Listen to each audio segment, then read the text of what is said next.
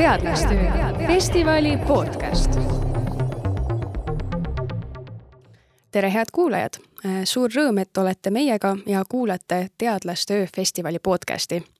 mina olen ajakirjanik Eget Velleste ning meie tänane külaline on idufirma Paatbox asutaja Erlend Sild, kelle üheks eesmärgiks on tuua meie söögilauale putukad. Erlend, mis probleemi te loodate putukatest toitu tehes lahendada? Tervist kõigile. probleem on äh, suht üldine ja kõigile ka peaks olema teada, et äh, olemasolevad ressursid sellise populatsiooni juurdekasvu juures, nagu meil praegu juba on ja ka arvatavasti saab olema, et nendest lihtsalt ei jätku.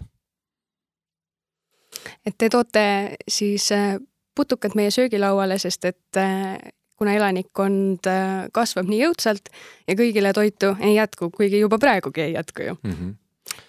no meil tegelikult ju toidupuudust siin ei ole, on ju meie piirkonnas, et selles suhtes vaatame tõele nagu reaalselt näkku ja, ja arvame, et äh, võib-olla ei peakski midagi muutma. aga on ju maailmas väga palju piirkondi, kus tegelikult on väga suur äh, toitainepuudus ja lausa nälg. ja me räägime hetkel küll ainult nagu inimtoiduturust, aga me peaksime olema ka tähelepanelikud, et on veel kuskil turud, mis tegelikult tarbivad äh, loomset proteiini ja valku äh, selle nagu koostis, äh, ühe olulise koostisosana. nagu näiteks kalatoiduturg, lemmikloomaturg, kanasööda, ütleme linnusöödaturg ja ka loomasöödaturg inimtoiduturg on tegelikult nendest turgudest üks kõige väiksemaid, aga ilmselgelt kõige intrigeerivam, ehk siis kes peaks sööma putukaid? ilmselgelt, kes siis peaks? eks me kõik peaksime ja võiksime süüa. see põhjus on äh, suht pragmaatiline, mitte see, et me peaksime nüüd äh, asendama kogu senise loomse valgu nüüd putukate vastu aga lihtsalt putukad kui alternatiivne loomevalk aitavad meil vähendada survet keskkonnale ja vähendada omaenda ökoloogilist jalajälge. ehk siis keskkonnateadlikkuse koha pealt on putukad ilmselgelt suur sääst ja kokkuhoid kogu planeedile. seda, et äh, kliima Äh, muutused toimuvad ja et meil on keskkonnakriis, see teadmine on meie keskis olnud juba aastakümneid. Äh, ometi me oleme tänini selles olukorras, kus äh, midagi nagu drastilist ei ole muutunud, et inimesed elavad siiski enda, enda mugavat elu. mis te arvate, et peaks juhtuma, et siis nii oluline muutus inimeste seas toi-, muutuks, aset leiaks mm -hmm. ja, ja nad muudaksid ka enda toitumisharjumusi mm -hmm. niivõrd, et hakkaksid sööma putukaid? no see on väga hea küsimus, et kui sellele teaks nüüd vastust, kas mina või keegi teine ja saaks niimoodi nipsuga neid inimesi panna oma harjumusi muutma, oleks ääretult tore ja efektiivne. aga eks harjumused ju, seetõttu harjumused ongi, et neid muuta on suht raske, eks, et äh, kui, kui nüüd natukene filosofeerida, siis millest harjumus võib-olla koosneb, et kolm põhikomponenti, võib-olla see teadmine, on ju, oskus ja kolmas on siis see tahe, on ju. ja kui meil seda tahet ei ole, kuigi me teame, et seal on see kliima selline muutused ja me peaksime midagi muutma ja iseenesest ei ole ju keeruline teha kaupluses neid valikuid või tellida internetist omale keskkonna mm, sõbralikemaid tooteid, mahetooteid, ökotooteid või siis ka putuktooteid, eks, ehk siis see oskus on meil ka olemas seda teha, aga ma arvan, et see jääbki selle tahte taha, et inimesed, kas nad siis tahavad. aga ma võiks inimeste rahustuseks võib-olla öelda, kes meid kuulavad ja ikkagi veel kahtlevad ja ei tea, kas nad tahaksid oma tahet muuta, et siis äh, kasutada alternatiivproteiine oma toidulaual, siis äh, ega lihatooted kuhugi ei kao nii nagu ei kao sisemispõlemismootoriga masinad meie, meie nagu tänavatelt, kuigi elektriautod tulevad ja kõik me saame aru, et see on nagu meile väga kasulik. samamoodi jäävad eks ikka ka lihatooted ja lihtsalt sinna kõrvale tulevad alternatiivsed äh, sellised toiduained. nüüd äh, äkki te räägite meile ka sellest, et mida siis Backboxis äh, praegu juba toodetakse ja inimestele pakutakse ja, ja mida te seal teete ja arendate? no Backbox, me peame natuke minema ajaloos tagasi. et Backbox sündis tegelikult minu enese sellisest missioonitundest, kui reisides maailmas erinevates paigus ma tõesti nagu nägin ja tajusin, et see toiduga käiakse suht suvaliselt ümber, isegi piirkondades, kus tegelikult on väga suur toidupuudus. Näiteks Hiina, kes impordib, Hiina on üks maailma suurimaid sealiha importijaid. sealiha import Hiina on kasvanud kümnekordseks viimase kümne aasta jooksul, eks. aga samas on Hiina maailma suurim sealiha tootja. ehk siis äh, miks see selline muutus on ja kust see vajadus kõik veel tuleb ja kuhu see kasv lõpuks jõuab, oli minu jaoks selline küsimus. Samas, kui guugeldada WHO nagu andmeid, siis tuleb välja, et Hiina on äh, üks riik, suurimaid äh, riike maailmas, kes toodab äh, toidujäätmeid, ehk siis lausa ühe kolmandiku maailma toidujäätmetest toodab Hiina, on ju. et see ei ole nagu kuidagi mõistlik, mis tegelikult nagu toimub. põhjus ei ole nüüd ütleme, äh, midagi keerulist, vaid et Hiina lihtsalt inimesed hakkavad paremini elama. ja see on nüüd, me räägime ainult ühest riigist, eks, Aasias. Nad hakkavad järjest paremini elama ja ka nemad tahavad noa ja kahvliga süüa, on ju, ja tahavad süüa ka lihatooteid, eks, et mitte ainult nüüd nuudlit, aga Hiina on ainult üks riik, eks, meil on ka India, on ju, ja kui me oskame neid riike hinnata ja sinna tähelepanu pöörata, siis minu arust täiesti teenimatult on jäänud välja kontinent, Äh, Aafrika, kus siis Sub-Sahara piirkonnas on populatsiooni kasv viimase neljakümne aasta jooksul olnud ikkagi plahvatuslik. et kui vaadata, milline, mis oli rahvaarv näiteks Ugandas kaheksakümnendatel, siis mis on see rahvaarv praegu? kui me teame, et seal on ühel naisel on keskmiselt viis koma seitse last, siis äh, kust see kõik tuleb? see, see toitaine, et toita ära seda massi, eks et kuskilt peab tulema mingi alternatiiv, mis siis annab meile võimaluse seda kasvavat nõudlust äh, rahuldada. ja jällegi ma rõhutan, et me räägime ainult inimtoidu konst-, kontekstis, eks. aga inimesed söövad ka kala, äh, kala kasvatatakse kuskil, kala tahab sööta. Äh, meil on väga palju linnufarme, ka Hiinas näiteks on üks jah, ma arvan, et rohkem linnufarme kokku kui kogu Euroopas on ju ja meil on, kasvatame ka sigasid ja ka sea, siga on karnivoor, eks, aga tema tahab loomset valku nagu ka linnud. Kust see nagu sisend tuleb? praegu kasutatakse näiteks Euroopa loomafarmides, ütleme need suured ja ütleme kunsttingimustes nii-öelda nagu betooni peal kasvatatud loomad, siis Euroopas tegelikult seitsekümmend protsenti, väga täpset numbrit ei mäleta, aga suurusjärk on selline, imporditakse loomasöödast kust see tuleb, enamus tuleb sellest Ladina-Ameerikast. ehk siis seesama loomne valk tuleb tegelikult kuskilt sealt ja iga uus farm, iga uus äh, nagu arendus tegelikult nõuab Ladina-Ameerikal rohkem tootlikkust, eks. ja mille arvelt see tuleb, sealsed sojakasvatajad võtavad siis jälle hektari kümme, sada või tuhatkond maha vihmametsi, et laiendada oma sojatootmist, eks. me raiume tegelikult ise seda oksa millel me istume kliima kontekstis. me peaksime mõtlema nende teiste alternatiivide peale ikkagi järjest rohkem ja rohkem. Mida tõele au andes me tegelikult ka teeme. me tunneme ju väga hästi erinevaid taimseid valke asendusena, eks, liblikõielised herned, äh, uuba, siis seesama soja, me oleme väga palju juba uurinud vetikaid, mikrovetikad on juba väga ütleme nagu peaaegu igapäevane sisend on ju. pähklid, meil on neid aseaineid päris palju taimsete valkude näol. Aga loomse valgu asenduseks tõesti, tõesti pole teist alternatiivi, kui on putukad. ja ma küsin uuesti et mis siis, mis te Backboxis teete? nii, jõudsimegi küsimuse juurde tagasi, väga meeldiv ma tänan aga Backbox äh, oma algusaastatel selge visiooniga hakata tootma suures mahus siis alternatiivset äh, loomset valku putukatest, et siis leevendada seda toitaine nii-öelda defitsiiti. aga suht kiiresti me saime aru, et, et üldse puudub selline tehnoloogia, mis võimaldaks nagu tööstuslikult ja efektiivselt kvaliteetset putukavalku toota. saab mm, tõesti, Tais on näiteks üle kahe tuhande kilgifarmi, ma kujutan ette, et see tööhõive seal igas farmis töötab vähemalt viis inimest, see on juba mingi sada tuhat inimest töötab.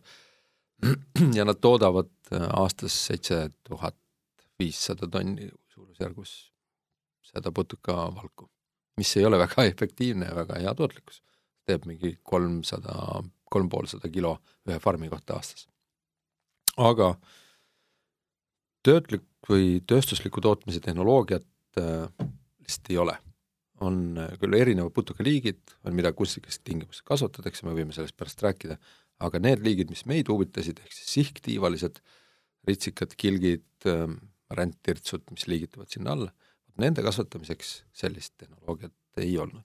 ja siis me muutsime oma fookust ja võtsime oma teadmuse, oskused ja vajadused ja oleme viimased aastad arendanud siis sellist tehnoloogiat, mis oleks täisautomaatne ja võimaldaks siis äh, mitte ainult meil, aga ka igal soovijal, kes siis meie tehnoloogiat tulevikus kasutama hakkab, edukaks putukafarmeriks saada ehk siis me arendame täisautomaatset putukakasvatustehnoloogiat.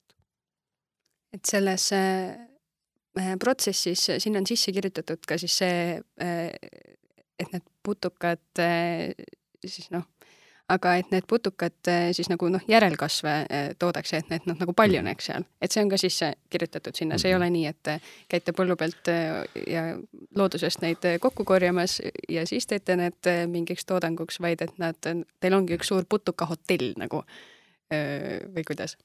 Mm.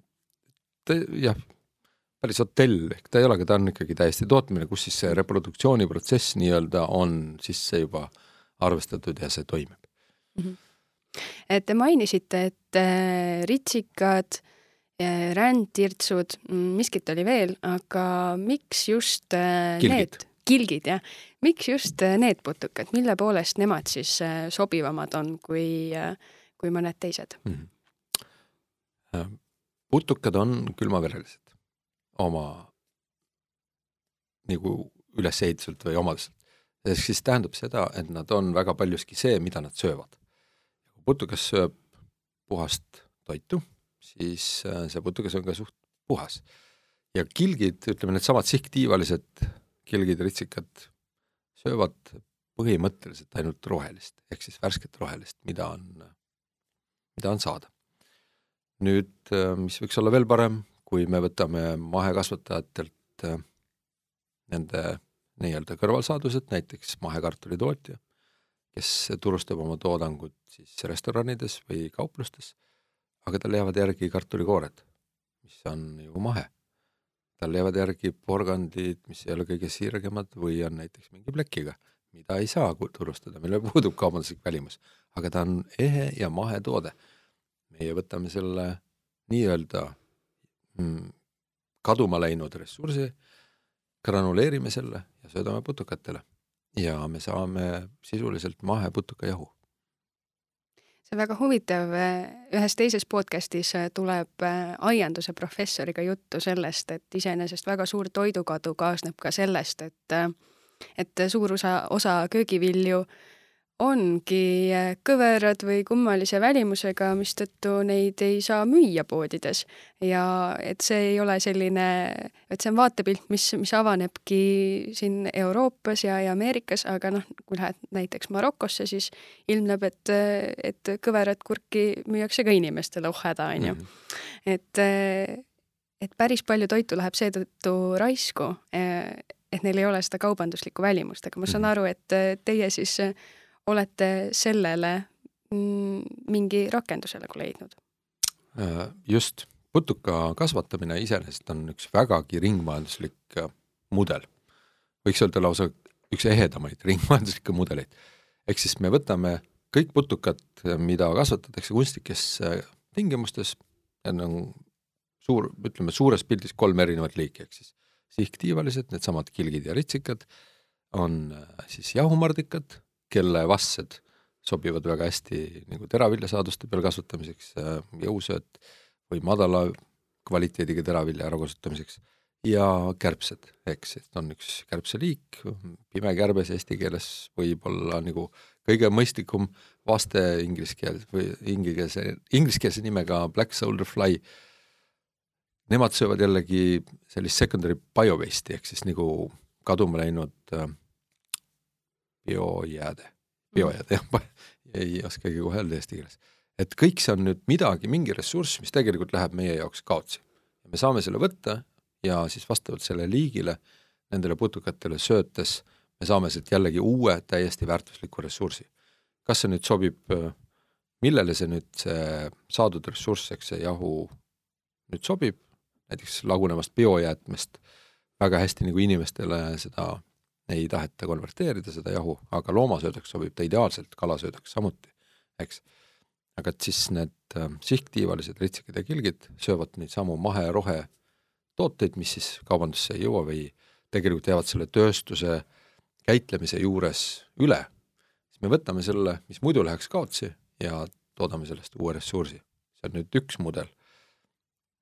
ja teine on see, et putukad ju vajavad oma keskkonnas kasvamiseks päris kõrget temperatuuri. See on ütleme kolmekümne kraadi lähedal, kakskümmend kaheksa, kolmkümmend. seda isegi meil suvel, kui nüüd seda just läbi saanud suve mitte arvestada siis tegelikult ikkagi väga palju ei kohta. siis soojusenergia on päris suur nagu püsikulu putukafarmis. võrreldes nüüd äh, Lõuna-Euroopaga on meie piirkond suhteliselt sellises konkurentsi mm, negatiivses situatsioonis, eks, me peame investeerima mingi soojusenergia peale. Jällegi tuleb äh, mängu ringmajanduslik mudel, ehk siis me saaksime võtta selle putukakasvatuse rajamisel arvesse juba seda soojusenergiat, mis jääb kuskilt mujalt tootmisest üle.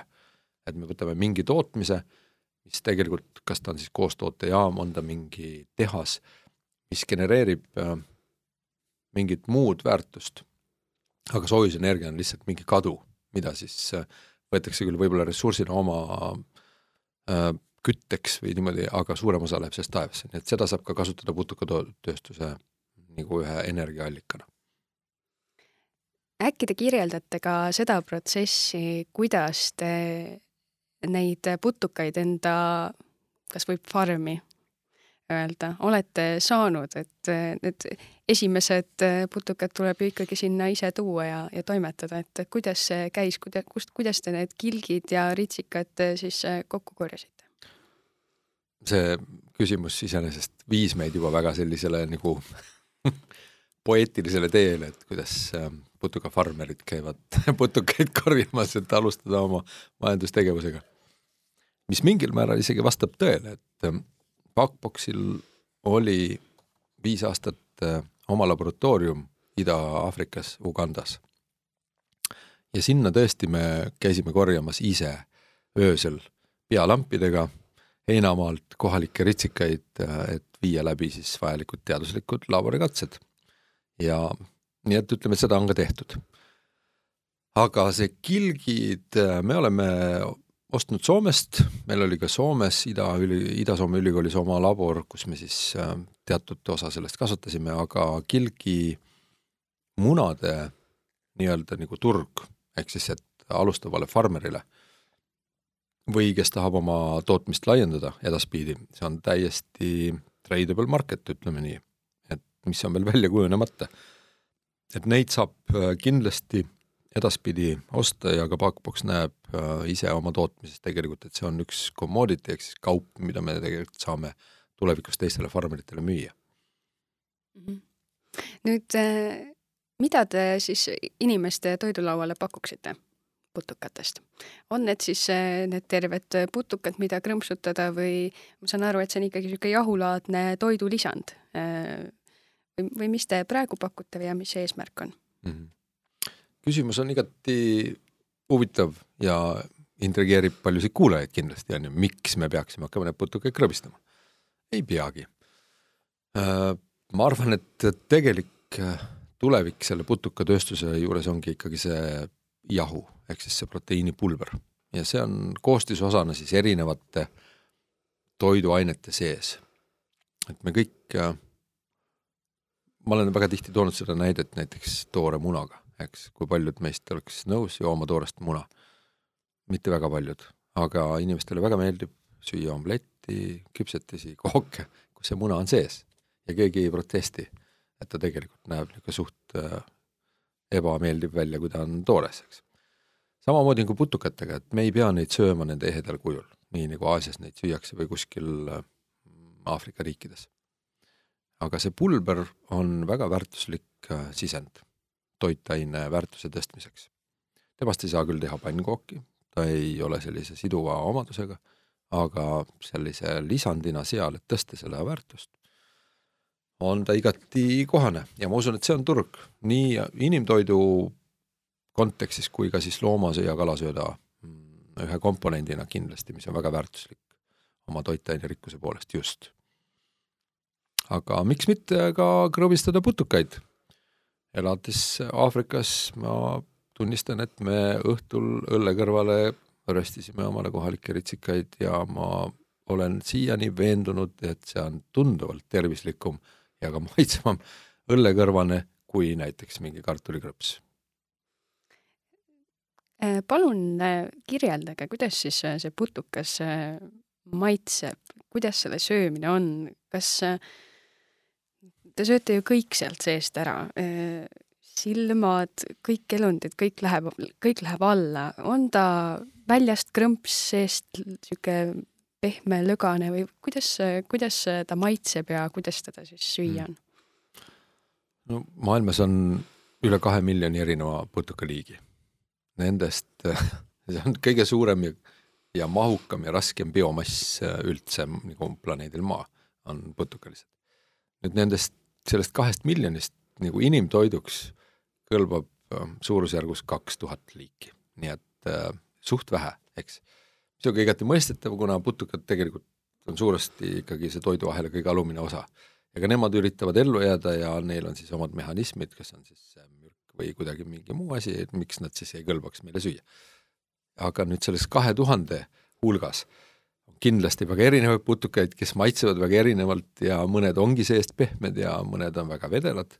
Mm, et see, las jääb ikkagi siis raadiokuulaja enda otsustada, mida ta tahab proovida ja kuna, aga võin öelda, et äh, ritsikad ja kilgid mm, nüüd isegi kergelt äh, lihtsalt röstides on äh, väga mõnusad krõmpsud, mm, sõltub nende rasvasuse nagu astmest ja sisaldusest, ka siis vastavalt kas mahlakam või, või siis kuivem, aga nad maitsevad või maitse poolest, võib-olla noorem raadiokuulaja seostab võib-olla pähkli maitsega, ehk siis äh, ka pähklis on tegelikult ju valk, eks see proteiinil on oma teatud selline teatud mai-, maitsenüanss, mis siis annab sellise ja see on sarnane.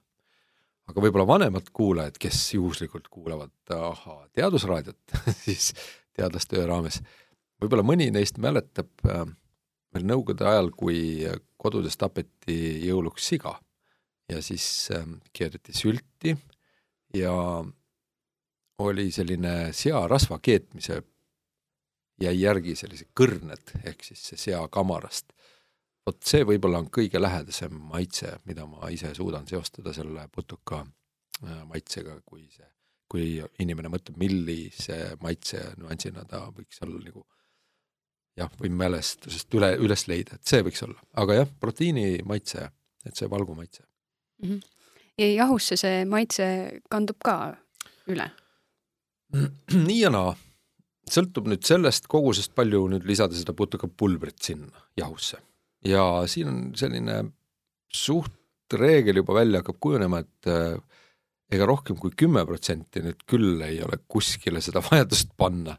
ja kui seda lisada nüüd paar-kolm protsenti, mis on tavapärane, siis me tõstame juba selle toitaine, kuhu me seda lisame, toitaine väärtust suhteliselt palju, et sinna ei olegi isegi rohkem vaja panna ja ka maitseomadused sellest ei muutu võib-olla väga terava maitsemeelega inimene suudab seal nüüd tuvastada mingit sellist õrna nüanssi, et nüüd on midagi siin teistmoodi ja, aga jah, seda ei segata kunagi pooleks ja seda ei ole vaja sinna nii palju panna, et see maitse nüüd muutuks.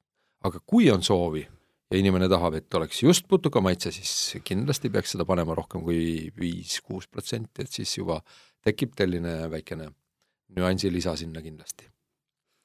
On teil ka mõni hea retseptisoovitus anda, mida on kõige parem siis putukajahust teha, on need soolased road, on need küpsised maiustused või, või hoopis miskit kolmandat? no ikka jällegi kuulaja enda otsustada. On ta suur magusasõber või tahab ta mingeid soolaseid asju, aga sobib suht mõlemates teha, et nagu me teame, et magusatesse asjadesse pannakse ju ikka ka suhkrut, eks, ja suhkur on niisugune omamoodi maitsevõimendaja ja samas on ta ka selline maitsekiller, on ju. et äh, me oleme teinud nii ühte kui teist ja me teame ka maailmas väga palju erinevaid tooteid, mida tehakse, ehk siis ma arvan, putukajahu sisalduvad kõige populaarsemad tooted kogu maailma kontekstis on võib-olla putuka ütleme, energiabatoonid, eks, kuhu on siis pandud seda putukajahu, et siis valgusisaldust tõsta. aga on väga erinevaid tooteid, on putukamakaronid, on äh, putuka näkileivad, on äh, putuka küpsised, on äh, putuka jahu sisaldavad hommikukrõminad, Pakboksi enda toode muideks, originaal et ja mis on selle mõte, näiteks makaronid ja hommikukrõminad, et sul on toode, mis on väga hea ja kõrge süsivesikute äh, ja kiudaine sisaldusega, aga näiteks lapsed, lastele meeldib makaroni süüa, lastele meeldib krõminaid süüa hommikuti, aga palun, lapsed, sööge. Siin sees on ka putukajahu, ehk siis te saate siit ka B12 vitamiini, te saate siit ka kõik oma asendamatud aminohapped ja emad on rahul ja ei pea sinna kõrvale, ma ei tea, vorstiigastet tegema või hakkliha praadima või muretsema, et lapsed söövad liiga palju hommikukrõbinaid, palun, kombineeritud äh, toitainesisaldusega toode, ma arvan, et on vägagi teretulnud. kui tihti te ise putukaid sööte, putukatest tehtud tooteid sööte? Äh, ikka söön. on, on aeg... see selline igapäevane, korra nädalas või kui tihti te selleks vajadust ja soovi näete? ma olen suhteliselt selline omnivoor ikkagi, et ma söön nii taimset kui loomset ja ja ka putukaid siis, kui on vaja ja kui on võimalus, aga ma tunnistan, et on olnud perioode mu elus, kus ma sõin iga päev putukaid ja see on need Aafrikas käimise reisiperioodid. et et ma ei söö, ma tunnistan, et ma ei söö igapäevaselt putukaid ja ma ei näe selleks ka mingit vajadust, aga putukajahu tooteid võiks äh, süüa näiteks vanemad inimesed, kes, äh, mis on täiesti omaette niisugune nišš ja tarbijaskond, ehk siis vanad, vanemad inimesed väga palju ei pööra enam tähelepanu tervislikule toitumisele ja vajalike toitainekoguste saamisele, et kust saab vanainimene oma loomset valgut, mis on vaja ka lihaste käigus hoidmiseks, on ju, et mitte raamiga seal kolistada või, või käia mingi kepi või karguga või abivahendiga, vaid head lihastoonust aitab ikkagi hoida selline korralik toitainerikas toit ja loomsete valkude eh, rikas toit, eks. ja putukajahu sisaldavad tooted võiksid olla vanematele inimestele täiesti igapäevane toidulisand. aga kuna mina ennast veel nii vanaks ei, ei pea, siis ma ei eh, pea ka seda vajadust, et ma peaksin iga päev sööma valgurikast toitu. nüüd äh, see on selline arusaam, et nooremad põlvkonnad on muutustele rohkem avatud ja, ja tulevad sellega pigemini nagu kaasa. kuidas te ise seda olete tajunud ja näinud, et kui palju on seda inimestes, mida selliseid nagu mõttemalle, mis vajaksid võib-olla ümbermõtestamist. Et nad eh, siis suhtuksid avatumalt eh, sellistesse alternatiividesse, eh, nagu putukad meie jaoks on. mina küll tunnustan meie Eesti noori ja üldse nagu Euroopas ja ka maailmas noori, nad on väga avatud meelega. ja Eesti noorte kiituseks ma pean tunnistama, et just ma arvan, et see trigger, miks nad on valmis putukatooteid sööma, tarbima ja vahetama neid tavapäraste lihatoodete vastu või lisama neid oma menüüsse, on just see keskkonnateadlikkus. noored on suhteliselt keskkonnateadlikud. Nad teavad, et kliimamuutus on, peab midagi muutma ja nad on, ei ole sellist äh, tõrget küll meie kohanud. ehk siis kõik sellised degusteerimised või tutvustamised või meil on praegu jah, on leidnud alati sellise positiivse tagasiside noorte käest. Meie Paldiski teadus, ütleme seal uurimiskeskuses, kus me seda arenduskeskuses nii-öelda, on käinud ikka väga mitmeid kooli ekskursioone ja klassi ekskursioone juba ja nüüd meil tuleb, tuleb veel ja tullakse isegi Valgamaalt. nii et jaa, ja see on, see on väga teretulnud sest ega me ei räägi ainult putukatest, vaid me räägimegi just sellest ringmajanduslikust mudelist, sellest kliimamuutustest, sellest keskkonnasäästust, mida see putukas iseenesest annab meile. ja võib-olla on oluline kuskilt siis ka anda inimestele või noortele just see teadmine või lisa, et me ju omal ajal, kui me veel olime sellised koopainimesed, ehk siis putukad ja taimed ja see korilus oli ju, meie putukad olid igapäevane osa meie dieedist. marjad, putukad, siis mammut, ega mammut kütiti ja see oli ka puhas a la carte, seda sai ikka väga harva, on ju, aga sellepärast on ka siin uuring, mida, mis on äh, nagu reastanud paremini omastatavad valgud, mille esimene kohal on äh, muna, on ju, ja teine on putukavalk ehk siis ta on meile juba organismilegi omane sellest ajaloolisest kontekstist äh, tulenevalt. Nüüd äh, minu enda kõige meeldejäävam kooliekskursioon oli, oli Fatseri äh, kommivabrikusse ja, ja ma arvan, et nii mõnedki kuulajad mäletavad enda kogemusest ka seda, et seal on selline tore asi, et teed selle ringi ära ja siis lõpuks viiakse sind ruumi, kus sa saad süüa nii palju komme, kui sa tahad kas, äh, kui teie juurde tulevad siis äh, kooliõpilased äh, üle Eesti, kas nemad saavad ka selle võimaluse teie tooteid proovida? Saavad proovida, tõsi, saavad proovida. Ja soovijad saavad kaasa nii palju putukaid, kui tahavad. Ja kui te teeksite niisuguse kokkuvõtte, et milline nende inimeste siis selline eh, selline eelarvamus on olnud, enne kui nad on seda proovinud ja siis äh, pärast äh, proovimist äh, sellised esimesed muljed, et on need, millised need on olnud, kui palju nad on siis noh, pidanud kas siis, ma ei tea, pettuma või leidnud, et, et, et see maitse oli hoopis midagi muud, kui nad nagu ootasid või eeldasid? sellega on üks selline tore nüanss, et meil neid pettujaid sisuliselt ei ole et on kaks, kahte liiki inimesed, ühed, kes on meeldivalt üllatunud, nad ütlevad no,, ei olnudki midagi ja on väga hea ja maitseb ja kõik nii. ja on teine grupp inimesed, kelle jaoks see on eneseületus, ehk siis ka siit tuleb positiivne emotsioon, et kui nad ka proovivad ära selle aa, röstitud putuka või putukajahu sisaldava toote lõpuks teiste julgustamisel ja, ja sellisel viisil, siis nad on lihtsalt enda üle õnnelikud, et ma sain sellega hakkama, ma tegin selle ära, ei olnudki midagi hullu, andke mulle veel üks, et ta on ikkagi tavaliselt selline positiivne elamus. ja ma ei tea, ma toon võib-olla sellise paralleeli siin toidu, inimtoiduturult, et äh, kes oleks võinud arvata, et me kõik hakkame rõõmsasti sööma toorest kala. aga praegu, kui vaadata, siis igas linnajaos, endast lugupidavas linnajaos maailmas on üks sushi-restoran, eks. et me sööme toorest kala ja me ei imesta iseenda üle ega selle üle, et miks see, miks see, miks me võtame seda normaalsusena, sest see lihtsalt nii on, eks. ja ka putukad, ma usun, on suht varsti üks loomulik osa meie igapäevadieedist. Nii nagu see on kahele miljonile inimesele juba igapäevaselt maailmas, teatud piirkondades.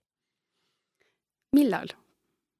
Mm, juba ma ütlen e, tegelikult ja, juba. juba, aga mis on see meie tulevikuvaade, et millal näiteks eestlaste jaoks on see sama tavapärane kui, kui sushi? no ma ei tea, ma pigem jään ettevõtluse juurde kui ennustamise juurde, et et aga, aga see on olemas, me võime osta seda juba meie enda kaubandusvõrgust. Mm, me saame seda tellida Amazonist äh,, internetist, saame seda reisidel proovida, see on, see on siin, see on olemas. Lihtsalt me peame sellega nüüd äh, harjuma, leppima ja ta peab integreeruma meie sellisesse menüüsse. Mm. -hmm kui nüüd äh, mõnel kuulajal on tekkinud küsimus, et äh, tahaks isegi kas siis eneseületust teha või, või katsetada, kuidas see maitseb, siis palun andke nõu, kuskohast Eestis saab neid tooteid, mis -hmm. sisaldavad kas putukajahu või, või putukaid ja mis need tooted on? aga kindlasti, kui nüüd äh, raadiokuulajatel tekkis huvi ja see eneseületus, siis ma väga palun teil ja panen südamele, et ärge nüüd, see on nagu marjal käimisega või seentega, et ei tasu igat putukat, mida te näete, kohe suhu pista ja sööma hakata, et kui ta teil seal korterelamus kuskil pliidi tagant välja tuleb, et äh, las ta olla, ärge sööge seda, aga ostke, sest see on, see on ka toiduohutuse koha pealt suht oluline. aga putukajahu sisaldavad tooted on, on müügil Selveris, kas Maximas, kaubamajades Tallinnas ja Tartus ja mõneski kohas veel, vist Öko mingites poodides, batoonidena, küsige, teile juhatakse, nad on, enamus on tervisetoodete lettidel. et need tooted on seal olemas e, ja ma tean, et ka õige varsti peaksid tulema ka erinevate maitsetega röstitud äh, putukad, et siis sedasama eneseületuslikku momenti saab katsetada siis täiesti kaubandusvõrgust ostetud ohutu äh, tootega mm. -hmm. Erlend Sild, aitäh, et leidsite aega, et stuudiosse tulla ning selle põneva vestluse eest. aitäh kutsumast head kuulajad, aitäh teilegi, et olite meiega ja loodetavasti jälgite ka teisi Teadlastöö festivali podcast'e jääge meiega, siin on veidi ka jätkujuttu. Äh, selline uitmõte veel, et, et kas meil siin looduses olevad tirtsud, on nad üldse ohutud söömiseks? või ongi vaja, et nad oleksid seal laboris siis üles kasvanud ja, ja toodetud mm? -hmm. vabas looduses kasvanud putukas on kindlasti ohutu, mm, kui sa tead, mis liiki see putukas on ja et ta ei ole sul mürgine. ja looduses nad söödavad, söövad ikkagi seda, mis on ohutu.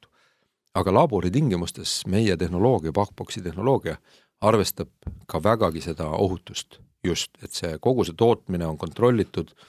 me mõõdame sisuliselt kõike, kaasa arvatud seda sööta, mis läheb putukatele.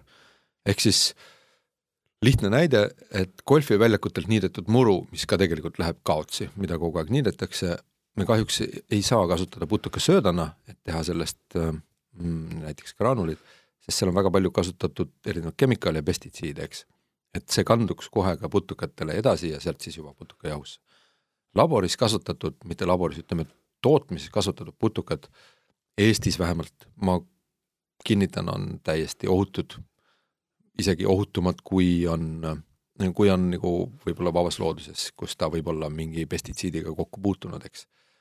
aga, aga mitte kõik putukajahu ei maailmas ei ole kindlasti ohutu, näiteks Aasias äh, puudub igasugune järelevalve, kuidas need putukad on kasvanud, mis tingimustes, mida neile on söödetud, millised putukad, kuskohast on kokku segatud, mis, mida see jahu sisaldab, eks, ehk siis selline järelevalve seal kindlasti äh, on palju-palju nõrgem kui Euroopas, kus siis toiduohutus ja tarbija järelevalve teeb meile selle ikkagi väga selgelt ohutuks äh, sisendiks. Nüüd äh, ma arvan, et, äh, et üks selline kõige rohkem loetud artikkel tirtsudest on seotud sellega, et nad on põhjustanud suurt pahandust, kui nad Indiasse kliimamuutuste mõjul on, on suuresti rännanud ja seal põllusaaki hävitanud. India, Aafrika, Ameerika Ühendriigid, neid äh, riike on palju, kus nad seda pahandust teevad. Miks nad siis äh, seal lihtsalt nendest tirtsudest äh, jahu ei tee, miks nad äh,, miks nad siis lasevad enda mhm. saagi niimoodi hävitada? igati õigustatud küsimus. Nendes piirkondades, kus nad teevad seda pahandust, võib-olla Ameerika Ühendriigid välja arvata ehk siis Aafrikas, Indias, Indias ka puudub tegelikult putukate söömise selline tava, äh, välja arvatud seal Kirde regioonis on tegelikult äh, üks piirkond, kus süüakse putukaid. aga jah, nad teevad pahandust ja need ritsikad, äh, need rändtirtsud nii-öelda, kes seda pahandust teevad, suhteliselt hästi sobivad ka pulbri tegemiseks. aga kes neid seal püüab Äh, Aafrikas, muidugi Ida-Aafrikas, kus meil labor oli, siis see piirkond äh, ümber Victoria järve, seal neid püütaksegi rändeperioodil. ehk siis sealne ritsikas lii-, alustab rännet vihmaperioodil, eks iga kevad iga sügis püütakse neid suurte selliste valguspüünistega, kuhu nad siis öösel lendavad sisse ja kohalikud äh, väga meelsasti neid tarbivad, nad ei tee küll sellest jahu, aga nad söövad neid ja nad teavad, äh, nende pärimus juba ütleb, et see tegelikult on selline väega toit, mis on ka väga tõsi, ehk siis nende toidulaud on suht, suht äh, toitainevaene. aga ritsikaid siis omal ajal pidid naised korjama rändeperioodil oma meestele, et meestel oleks rohkem jõudu jahil käia, põllutööd teha, et see oli nagu tänu ja selline naise kohustus, et ta pidi oma mehele korjama siis neid ritsikaid. Nad söövad neid, aga see teadmus puudub, kuidas neid kasvatada kunstlikes tingimustes, kuidas neid püüda, neid samu rändtirtse on ju, et äh, see puudub, aga me liigume sinna suunas, et, äh, et meie tehnoloogia saaks aidata ka neid rahvaid ja inimesi nendes piirkondades, kus see teadmus puudub, aga vajadus on tegelikult suur, et me saame ka seal aidata neid inimesi kasvatada omale neid samu kõrgema toitaine väärtusega siis sisendit äh, kunstlikes tingimustes aastaringselt, mitte ainult kevadel ja sügisel. aitäh! aga palun! teadlastöö festivali podcast